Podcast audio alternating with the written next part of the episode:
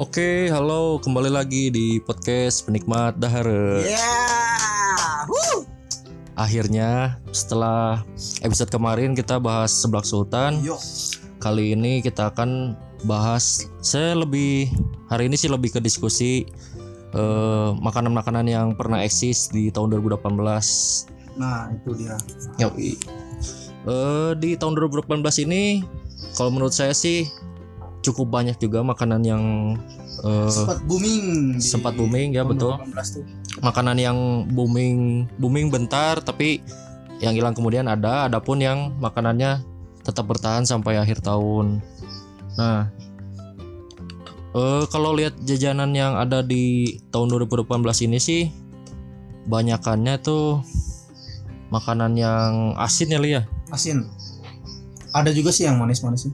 ya makanan yang asin banyaknya sih kalau yang manis tuh hanya beberapa lah cuman kita ini kita cuman ambil 6 jajanan yang eksis tuh selama tahun 2018 oke langsung aja Yo. yang pertama ada pisang nugget Nah, itu tuh enak tuh pisang nugget tuh. hmm, mana sendiri pernah nyoba nggak li pisang nugget Pernah waktu apa nih?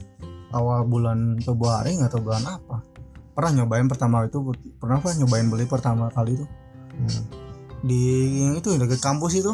Oh, iya, iya. Kampus Iya. di dekat warteg tuh. Nah kebenaran saya juga kalau pisang nugget sih dalam setahun ini cuman berapa kali lah belinya nggak nggak nggak terlalu intens itu belinya karena jajanan ini saya rasa ya biasa aja gitu sebenarnya dari dulu udah ada sih ya pisang goreng tepung gitu ya Nah, pisang goreng tepung udah ada, cuman ini mungkin yang bedanya eh, toppingnya kali. ya toppingnya kalau pisang nugget ini tuh lebih bervariasi dan ada beberapa yang emang agak beda juga pembuatan si pisang nuggetnya Mm-mm. Kalau yang kemarin kita coba tuh cuman pisang dilumurin terigu gitu ya. Hmm, kemudian terigu yang pakai kayak nugget aja gitu, pakai yang bubuk apa? Bubuk roti Ya, kayak tepung gitu. roti, tepung tepung roti. roti, tepung roti. Ya. Nah, kalau yang emang pisang nugget yang benar tuh si pisang tuh emang di blender dulu baru diolah jadi kayak nugget ayam gitulah pembuatannya. Mm-mm. Nah, itu kita belum pernah nyoba sih. Yang terpaling terkenal sih di Indonesia nugget ayam eh nugget ayam. Nugget pisang tuh nuggetnya kaisang, cuman saya belum pernah nyoba sih. Hmm, katanya enak sih. Cuman mungkin next kita nyoba lah ya, Li. Ya, ya.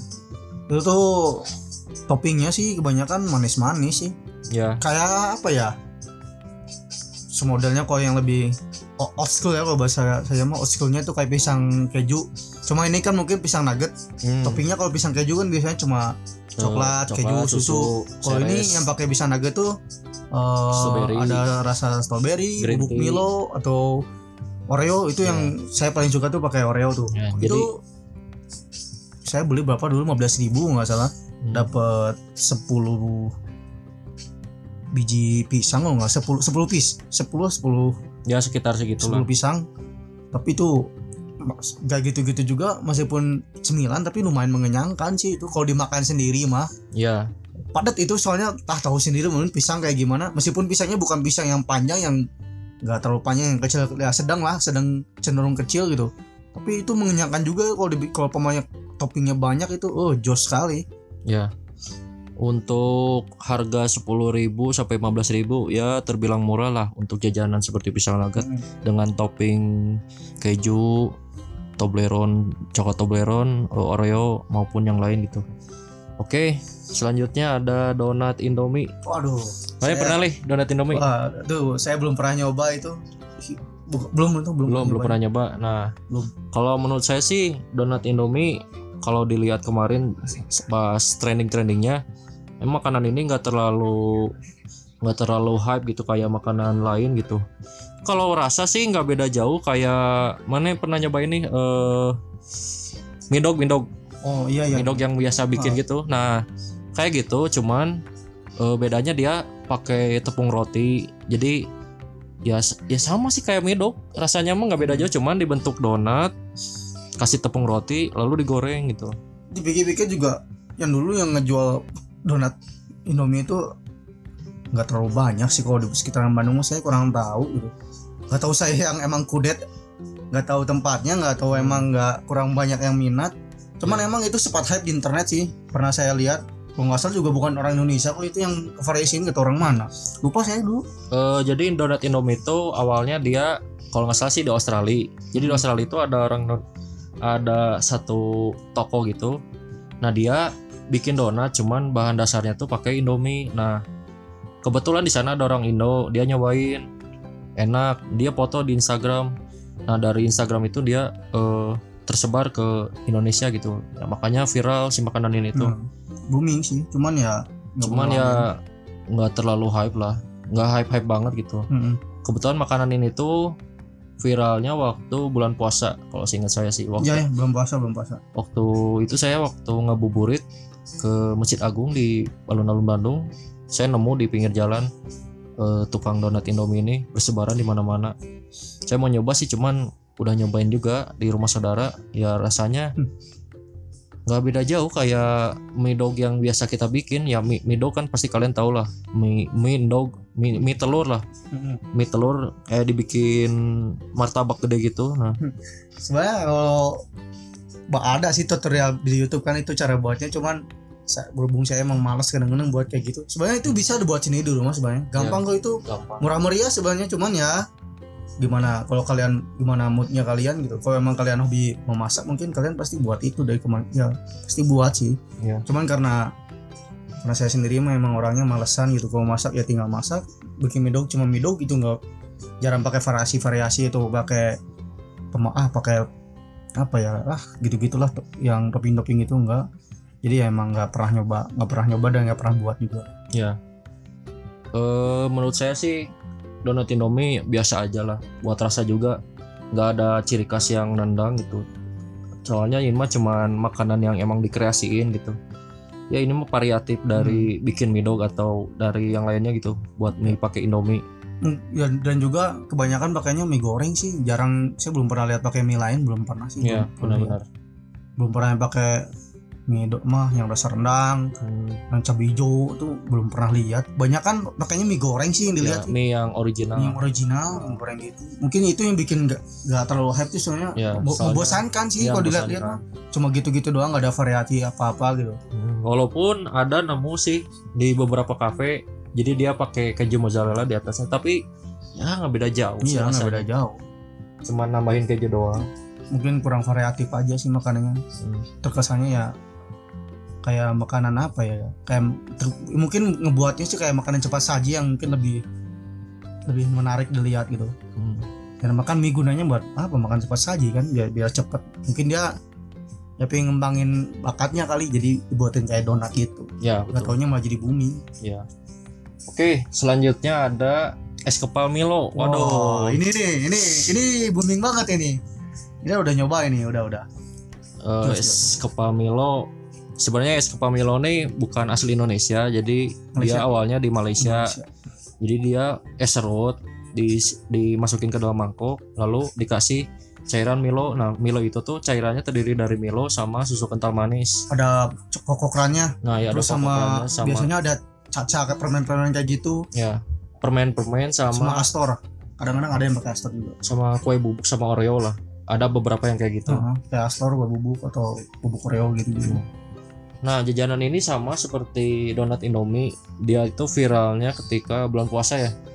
Ah belum puasa Belum belum puasa. puasa. Tapi kita nyobain habis lebaran. Ya kita nyobainnya pas habis lebaran. Kebetulan si tukang es kepal Milo ini masih banyak.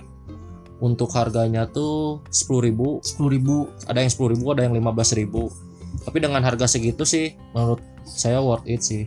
Itu jajanan buat ya dessert lah. Cuman kalorinya lumayan tinggi. Iya itu sebenarnya kita beli waktu itu yang apa ya? Sedang kalau nggak salah kurang sedang atau besar tuh Eh, lebih. besar waktu itu. Besar itu Hmm.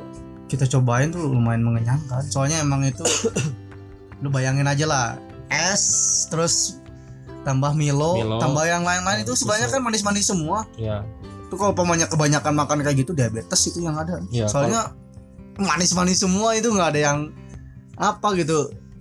Oh ya pokoknya mah mengenyangkan sih cuman ya mungkin kalau kebanyakan manis juga bikin mual juga sih Iya benar.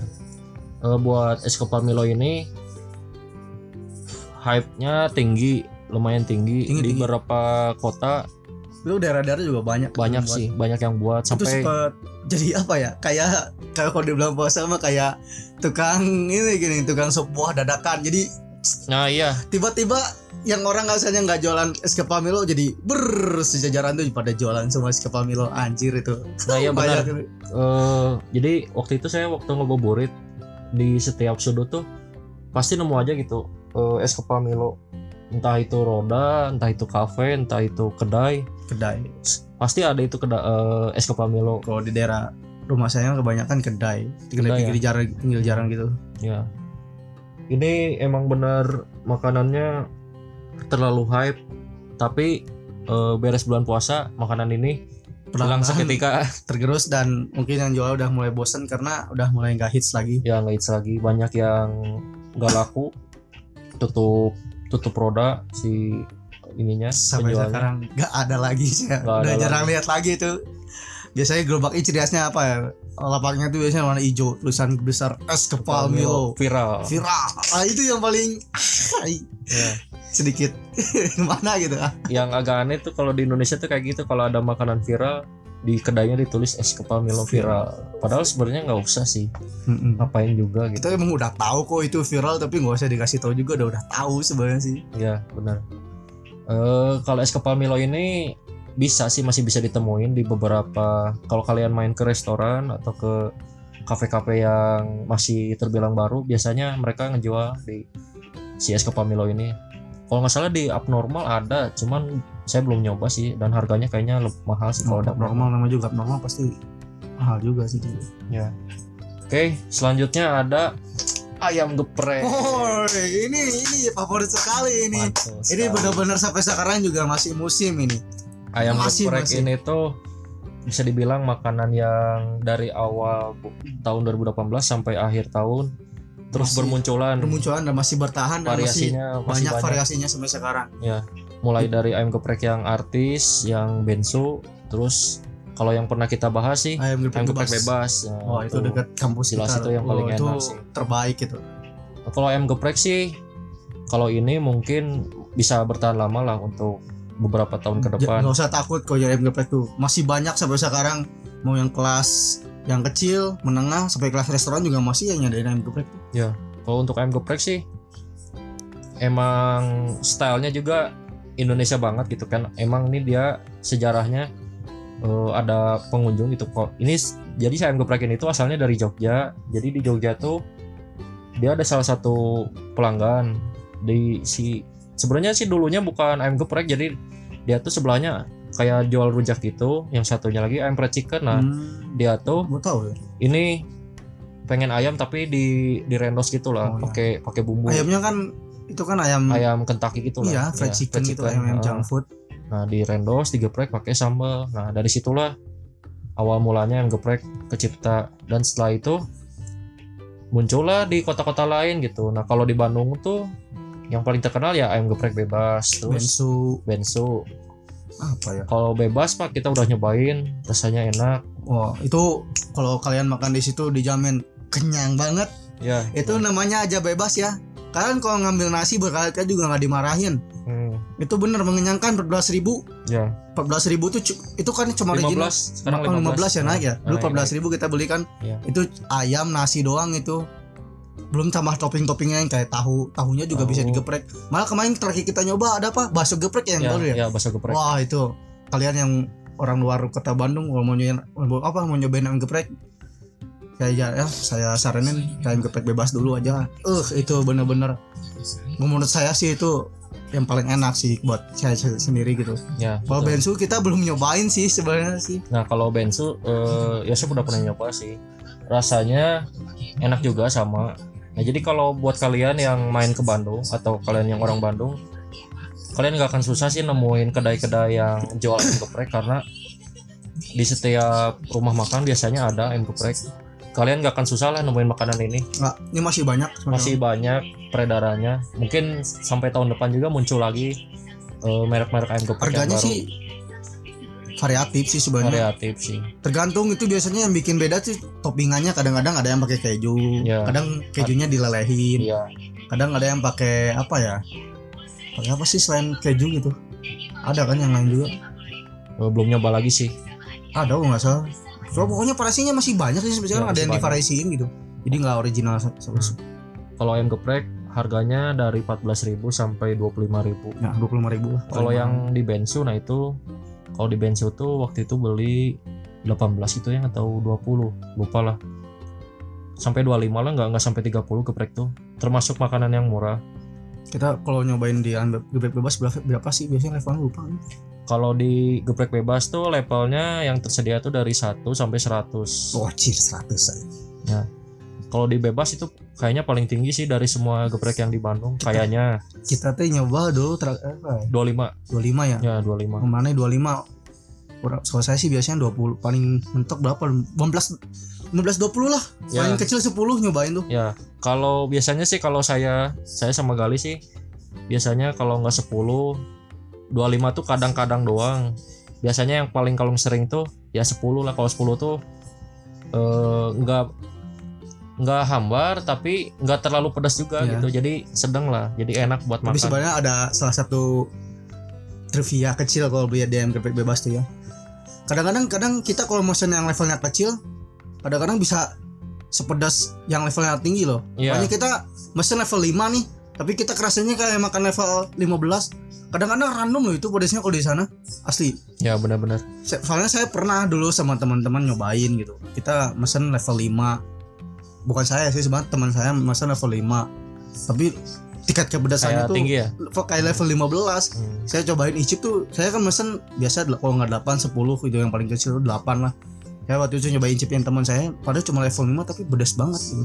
Jadi emang kadang-kadang bisa aja kalian mesen yang level tinggi gitu umpamanya atau mau 25 atau 30 tapi bisa aja nggak kerasa pedas gitu nggak maksudnya pedasnya nggak parah gitu nggak separah sama levelnya gitu Hmm. soalnya random sih itu dan tepatnya emang selalu penuh Ya, tepat. dominasi Gojek Ya, kalau di ayam geprek bebas tuh tempatnya selalu ngantri. Jadi kalau kalian datang ke sana mau jam berapapun itu pasti ngantri. Tapi tenang kalau di sana kalian datang tuh kalian tulis dulu namanya nanti kalian tinggal duduk aja nanti kalian dipanggil pesanan kalian tuh. Kalau saya nilai sih dari lay- pelayanan sampai si penerima ininya cukup cepat lah. cukup cepat Cepat nggak nggak paling lama 20 menit lah 20 kita menit setengah jam. Hampir setengah jam, nggak Tapi nggak nggak kadang cepet banget kadang soalnya bisa 10 menit Ya kadang bisa 10 menit karena si pegawainya emang banyak di ayam geprek sebenarnya kalau yang saya lihat-lihat tuh yang bikin penuh tuh sebenarnya bukan yang makan di tempat. Yang- Gojek yang mesen-mesen Grab Iya. Gojek yang GoFood itu yang bikin lama tuh sebenarnya yang itu. Ya, mereka bener. tuh nggak jajar nungguin mesen-mesen. Sebenarnya yang makan di dalam tuh nggak banyak loh. Ya, banyak bener. cuman nggak sebanyak yang mesin di mesen Pesan GoFood yang gitu. online ah. jadi bener-bener sebenarnya bisa cepet sih sebenarnya sih. Ya cepat ya jadi kalau ayam geprek mah mungkin 2-3 tahun lah masih bertahan lah. Mungkin bisa aja bertahan terus gitu soalnya itu makanan emang makanannya emang Indonesia banget Indonesia gitu. lah. Nggak bukan dari luar emang asli Indonesia. Malah itu kalau menurut saya sih kayak gabungan gitu kan. Crossover lah. Ya. Crossover gabungan makanan junk food sama menjemput sama sama, ala-ala tradisional ya, negeri tradisional ini. sambal. Sambal sama ayam fried chicken. Ya. itu memang perpaduan yang sangat bagus. Keren lah keren pokoknya. Crossover banget. Oke, selanjutnya ada Tea. wah ini wah ini masih apa lumayan baru lah Thai masih lumayan baru kalau saya nyobain mah minuman paling mainstream tahun Mainstream. ini. Di mana-mana tea, di cafe cafe Thai tea. Thai tea, sekitaran kampus. Thai tea. Terus ada roda kecil. Thai tea. Entah kenapa tahun ini tuh kayaknya minuman ini paling paling hype dan paling, paling hype, hits paling hits di lah. masa ini Eh, kalau harga sih Thai tea murah. Dari yang 5000 ada 8000 ada yang sampai yang 25 ada tapi toppingnya banyak. Tapi kalau yang kita sering minum sih yang di dekat kamp yang di kampus kita ada kampus di kita di kampus. Jalan di Pati Ukur namanya, Namanya tuh Haus ya. ini H A U S. sebenarnya itu itu toko apa tempat tea itu masih baru sebenarnya. Ya masih baru tapi dia memang cabangnya ada banyak gitu. Emang udah terkenal juga. Itu kenapa bisa rame? Soalnya bayangin mana beli da- 8000 tapi es batunya banyak bener. Ya benar banyak itu es batunya. Itu mengenyangkan sih. Hmm. dan emang kan harganya murah juga. Murah-murah murah. Terus kalau Thai tea mah dia sejarahnya emang asli dari Thailand. Cuman dia di Indonesia di, dimulai populer. Sebenarnya cuma sederhana sih cuma apa nggak gabungin cuman teh. Teh sama tehnya teh Thailand asli. Teh Thailand, terus sama pakai susu. susu. udah. Sebenarnya itu kalau bisa dibilang mah kayak teh tarik kan ya sebenarnya mirip teh tarik. Mirip teh cuman tarik. kan kalau teh tarik dia tehnya pakai Teh. nggak tahu- teh apa sih saya kurang biasanya tahu. teh teh ini teh celup kalau nggak ya salah kalau kayak teh celup kalau nggak salah mah teh celup. Kalau Thai tea mah dia pakainya teh teh Thailand Thailand sih. Pasti namanya rasanya tuh beda kalau teh Thailand tuh ada pahit enggak gitu. Cuman gimana ya? Ada rasa uniknya aja kalau kalian nyoba. masuknya saya doyan sih minum teh tea. Saya kan memang sebenarnya kalau beli minuman nggak pernah apa kurang suka yang variasi pakai susu gitu. Hmm. saya sebenarnya nggak terlalu suka teh tarik sih. Nggak tahu kenapa emang rasanya mungkin aneh kalau menurut saya. Kayak sedikit aneh karena ada susu. Tapi nggak tahu kenapa kalau saya beli teh itu tuh malah enak gitu. Soalnya emang mungkin beda mungkinnya dari segi teh sama susu tuh nggak saling nggak saling apa ya nggak saling eh, apa? Rasanya tuh nggak saling mendominasi satu sama lain maksudnya oh iya. ah nggak saling ini gitu. Ah anjir apa sih sejak kalau digabungin tuh nggak ada yang panggul unggul gitu. Iya. jadi bisa ngeblend gitu kalau Thai tea mah ya, gitu. kalau Thai tea gitu kayak gitu. Jadi kalau kalau si teh tarik tuh dia tuh lebih dominannya kalau yang saya rasain masih le- lebih ke tehnya. Teh. tehnya. Soalnya tehnya tuh karena dia pakainya teh bukan teh bukan jenis yang di Thailand tehnya tuh kayak teh teh pahit gitu. Iya. Campur susu jadi agak gimana gitu Ada pahit. rasanya tuh. Emang enak cuman beda lah kalau sama Thai tea beda jauh. Hmm. Thai tea emang kombinasi buat sama susunya tuh ngepas banget lah ini minuman head banget di kampus supaya kalau beli di di kampus kita itu kalau setiap beli ya itu yang ngantri pasti cewek-cewek yang paling sering di situ Nah, males lah. Saya, sekarang kalau beli tea di dekat ngantri cewek-cewek semua Nah, ngejajar iya. oh mau beli tuh ini pas datang cewek-cewek semua nggak jadi biasanya balik Iya. lagi lah Pokoknya kalau saya beli tea sih belinya di yang kedai lain gitu. Walaupun memang ya rasanya beda dikit lah. kalau nggak nungguin ada lowong. Ya nunggu nunggu agak kosong gitu kalau di kedai yang itu. Soalnya kedai itu emang udah populer banget. Di di tiap kota ada di Jakarta ada yang haus tuh. Di Bogor ada. Hampir semua kota ada kalau nggak salah. Itu ngebelain belain pakai motor ke kampus deket kampus beli beli Thai tea doang ada nggak gitu? Ya ada. Sampai belinya tuh 10 karena emang ya enak. Jajanan ini kalau menurut saya sih ya masih bisa inilah ya lah masih bisa bertahan masih bisa lah ya. bertahan. Soalnya Buat- ini juga masih termasuknya boomingnya masih baru-baru sih. masih baru-baru. Baru-baru. Dan emang minuman ini tuh bisa diterima semua masyarakat lah. Hmm. dan emang bikinnya juga gampang. Bikinnya gampang. Gampang banget. Kita kalau bikin juga kita bisa beli aja teh teh Thailandnya di Tokopedia tuh kalau nggak salah harganya 40.000 ribu. Kalau tahu berapa lah. Ini kalian tinggal seduh nanti tak campurin susu sama es udah beres. Iya banyak yang kalau jual bubuk-bubuknya sekarang mah kayak bubuk bubuk kopi kayak gitu padahal teh itu buat buat tea gitu banyak sekarang. Oke selanjutnya ada sostel sosis Oh, telur. sosis telur. Ini ini mah baru kemarin-kemarin kalau nggak salah boomingnya sostel mah sebenarnya saya baru baru sekali sih nyobain. Cuman kalau lihat tuh ya emang populer alatnya juga unik. Jadi dia kita masukin telur. Keluar. Nanti si adonannya tuh dia naik ke atas sendiri sama tusuknya gitu. Gitu naik ke atas gitu. Ya ini simpelnya sih cuman telur bukan nggak digoreng cuman digoreng tapi pemana panasnya tuh dikit. Kayak di nanti terkesannya malah bukan digoreng dikukus kalau kata ya saya dikukus tapi pakai minyak gitu Hmm. kegoreng gitu. Nanti dia ngebentuk panjang si telurnya tuh. Jadi si sosisnya tuh diselimuti oleh telur gitu sebenarnya. Hmm, ada yang pakai sosis ada yang telurnya doang. Kayak kalau jajan ini sih saya ekspektasinya waktu itu kayaknya bakal enak banget gitu. Nah pas nyobain biasa aja. Biasa aja. Bisa aja. Gitu mah kayak makanan ah udahlah ini mah snack doang lah snack jajanan murah gitu. Ya harganya lumayan mahal sih untuk satu telur gitu. Waktu itu berapa sih beli teh? Sepuluh ribu. Sepuluh ribu ya? Hmm, mahal. Lumayan lah. Sepuluh ribu tuh. Untuk telur doang gitu. Sepuluh ribu teh saya kira emang sosisnya kan itu butuhnya panjang saya kira tuh sampai ujung gitu si sosisnya nggak taunya cuma sepotong doang. Anjir Ya, sepotong. Sisanya itu telur semua. Ya padahal cuma itu padahal udah satu telurnya. Dan si sosisnya juga cuma setengah. Ya kalau sepuluh ribu sih kalau menurut saya sih terlalu mahal untuk jajanan. Mending beli telur gulung ya kalau gitu. hmm, telur gulung aja sekalian telur gulung jajanan jadul dengan 2000 rupiah kalian dapat dua tuh. Ada lagi itu yang masih ini. Jajanan tuh yang deket kampus itu. Cilung oh iya Iya. itu Benar-benar. kids tuh lumayan tuh ya jajanan SD yang sekarang masih jadi hype hype lagi sekarang Ya, cuman kan jajanan itu disebut bukan disebutnya bukan hit sih. Jadi itu mah jajanan jadul yang masih bertahan lah. Heeh. Cuman yang tadi kita sebut itu yang 6 jajanan yang emang bener baru ngetren gitu Hmm. di tahun 2018 ini. Nah, tapi kalau jajanan yang kalau menurut saya sih yang mending yang populer tuh ya itu mending jajanan yang jadul. Heeh. Sekarang kan muncul lagi kayak cilung, cinglung cilor cilor, telur gulung. Telur gulung, terus martabak eh, yang kecil kayak gitu juga musim Ah, lagi ya, sekarang musim lagi. Itu makanan-makanan legenda dari zaman SD tuh udah ada. Malah zaman saya TK juga udah ada oh itu udah ada makanan itu. emang kita TK juga. Makanan itu yang sampai sekarang masih bertahan harusnya sih jajanan-jajanan yang lain tuh belajar ke mereka. Mm-mm, itu mereka sampai sebenarnya sederhana tapi sederhana tapi melekat. Ya.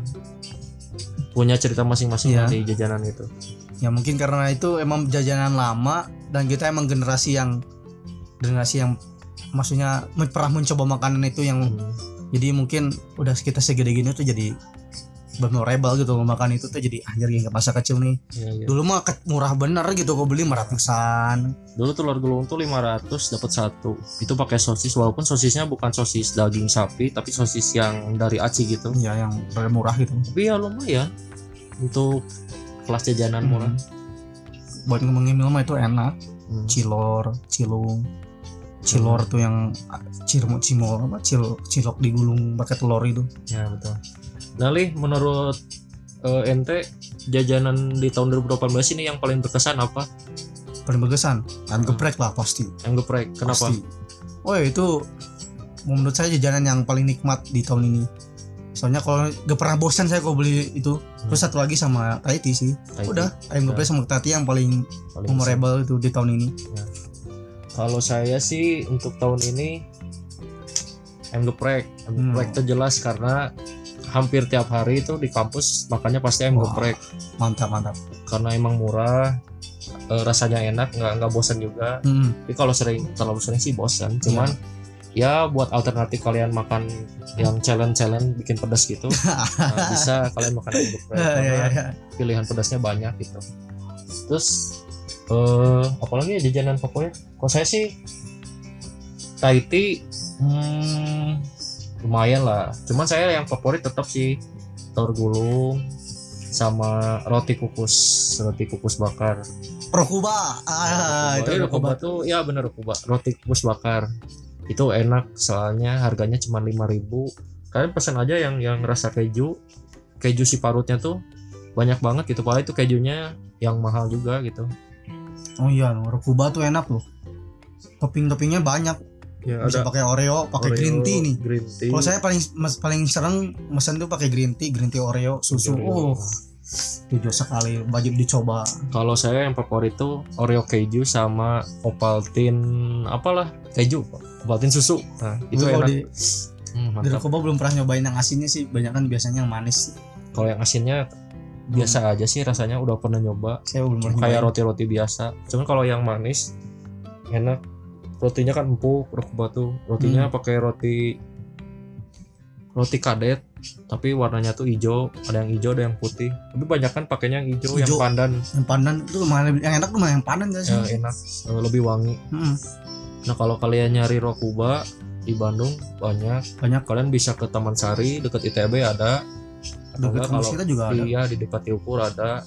Terus di mana lagi ya? Kayaknya di kampus lain ada juga. Ada itu banyak kok. Banyak itu sih. bukan bukan yang notabene susah dicari, banyak Ya, kok di sisi banyak, jalan. banyak. Atau kalau kalian mau roti bakar, roti bakar yang enak banget ada di Gang Kote. Gang Oh. Kote itu di dekat Jenderal Sudirman. Sama di Cibadak. Nah itu roti bakar yang paling recommended. Cibadak tuh. Ya Cibadak banyak. Mungkin next nanti kita nyobain kuliner di sana. Ya, ya coba yang itu yang roti bakar di Jalan Subang belum pernah nyobain. Hmm. Kalau di Cibadak paling pernah tapi dikasih, tapi Kasih ya, ya. lupa lagi sih udah lama. Eh, Li, harapan ente buat tahun 2018 eh 2018 19 19. kuliner buat nanti di tahun 2018 pengen kuliner yang kayak gimana gitu harapannya bakal apa gitulah Nah, saya mah nggak muluk-muluk sih sebenarnya nggak sebenarnya nggak terlalu penampilan sih kok penampilan ya dari segi makanan. Karena saya emang bukan pakar makanan sih. hmm.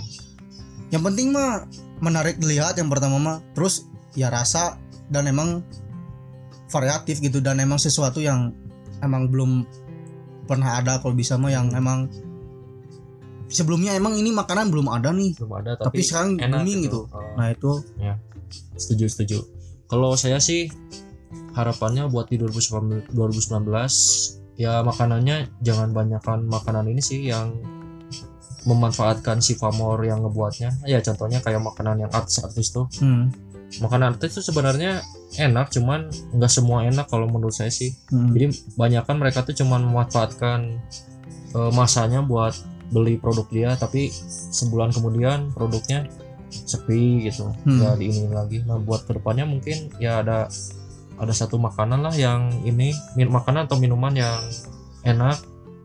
Eh, makanan itu tuh nggak bukan belum ada sih. Nggak apa-apa sih belum yang ada juga inovasi gitu baru misalnya di dimodif lagi tapi emang original gitu. Nggak nggak cuma ikut-ikutan kayak kan tahun sekarang banyak kan bolu bolu artis tuh hampir Iya. berapa banyak gitu mbak? Kalau bisa mah makanan yang hits tuh yang emang mengedepankan ciri khas Indonesia kalau bisa mah Iya. emang yang original apa penuh dengan rempah-rempah Indonesia biar lebih nasionalis lah bahasa gaulnya mah jadi makanannya yang, "Wih, ini Indonesia banget nih tapi hits di, do- di tahun 2019 saya pingin kayak gitu sih Hmm. yang pure Indonesia gitu maksudnya Nah kan tadi ngomongin original yang khas Indonesia ada sih sebenarnya snack. Jadi snacknya dia itu buatan artis eh, si Chelsea Olivia sama Glenn Alinsky. oh tahu Jadi nama snacknya tuh rasa lokal. Nah rasa lokal tuh jadi dia keripik. Keripiknya nggak kayak keripik biasa gitu. Jadi keripik. Rasanya tuh rasa makanan yang ada di Jawa Barat sama di Oh. daerah-daerah lain. Kayak contohnya ada rasa ayam goreng Lembang. Jadi si keripiknya rasa ayam goreng. Nanti ada sambal Oh. ininya, ada sambal Sunda. boleh tuh Ya itu enak. pernah nyoba aja baru baru denger lah Iya. Kalau saya sih udah lama dengarnya cuman belum nyoba. Ya mungkin next kita review ya keripik itu. kalau keripik ya Heeh. Saya inget keripik Meici yang dulu udah di Oh Bandung iya, kalau dulu Maici itu jajanan yang legenda lah itu termasuk. Cuma tapi lebih pedas sih ya pedas. Karici eh mak karici, maici, karuhun. Cuman sekarang nggak terlalu populer lagi. Karena emang maici kalau dulu sih belinya harus di online, harus di tokonya. kalau nggak lewat kedai mobil gitu. Nah iya sekarang mah gampang sih didapetinnya. mobil Kayak bolu artis tuh yang Claudia Cynthia Bella tuh Makuta Makuta terus Makuta satu lagi gampang. tuh Rekuba eh bukan Rekuba itu yang si Irfan Hakim tuh apa tuh Makuta Makuta bukan Makuta kan udah tadi itu yang si Kunafe. Kunafe Oh, tah, iya. itu yang si Irfan Hakim sama si kalau Kunafe belum nyoba sih tapi tapi dia beda sih dia lebih ke bolu gitu. Cuman banyak sih yang bolu sebenarnya di Jakarta juga. Ada artis juga yang bikin kayak gitu. Cuman yang paling beda ya itu sih yang tadi yang rasa lokal keripik. Iya keripik. Keripiknya rasa makanan-makanan daerah yang ada di Indonesia. Ada yang sambalnya pakai sambal mata oh itu oh enak itu kayaknya. enak. Hmm. Ya itu saja sih untuk diskusi kali ini. Hmm. Ya ini mungkin episode terakhir di tahun 2018. Yeah. Semoga di tahun 2019 lebih banyak lagi konten yang kita buat. Kalau ada saran silahkan kirim ke podcast penikmat dahar eh, penikmat daharun at gmail.com.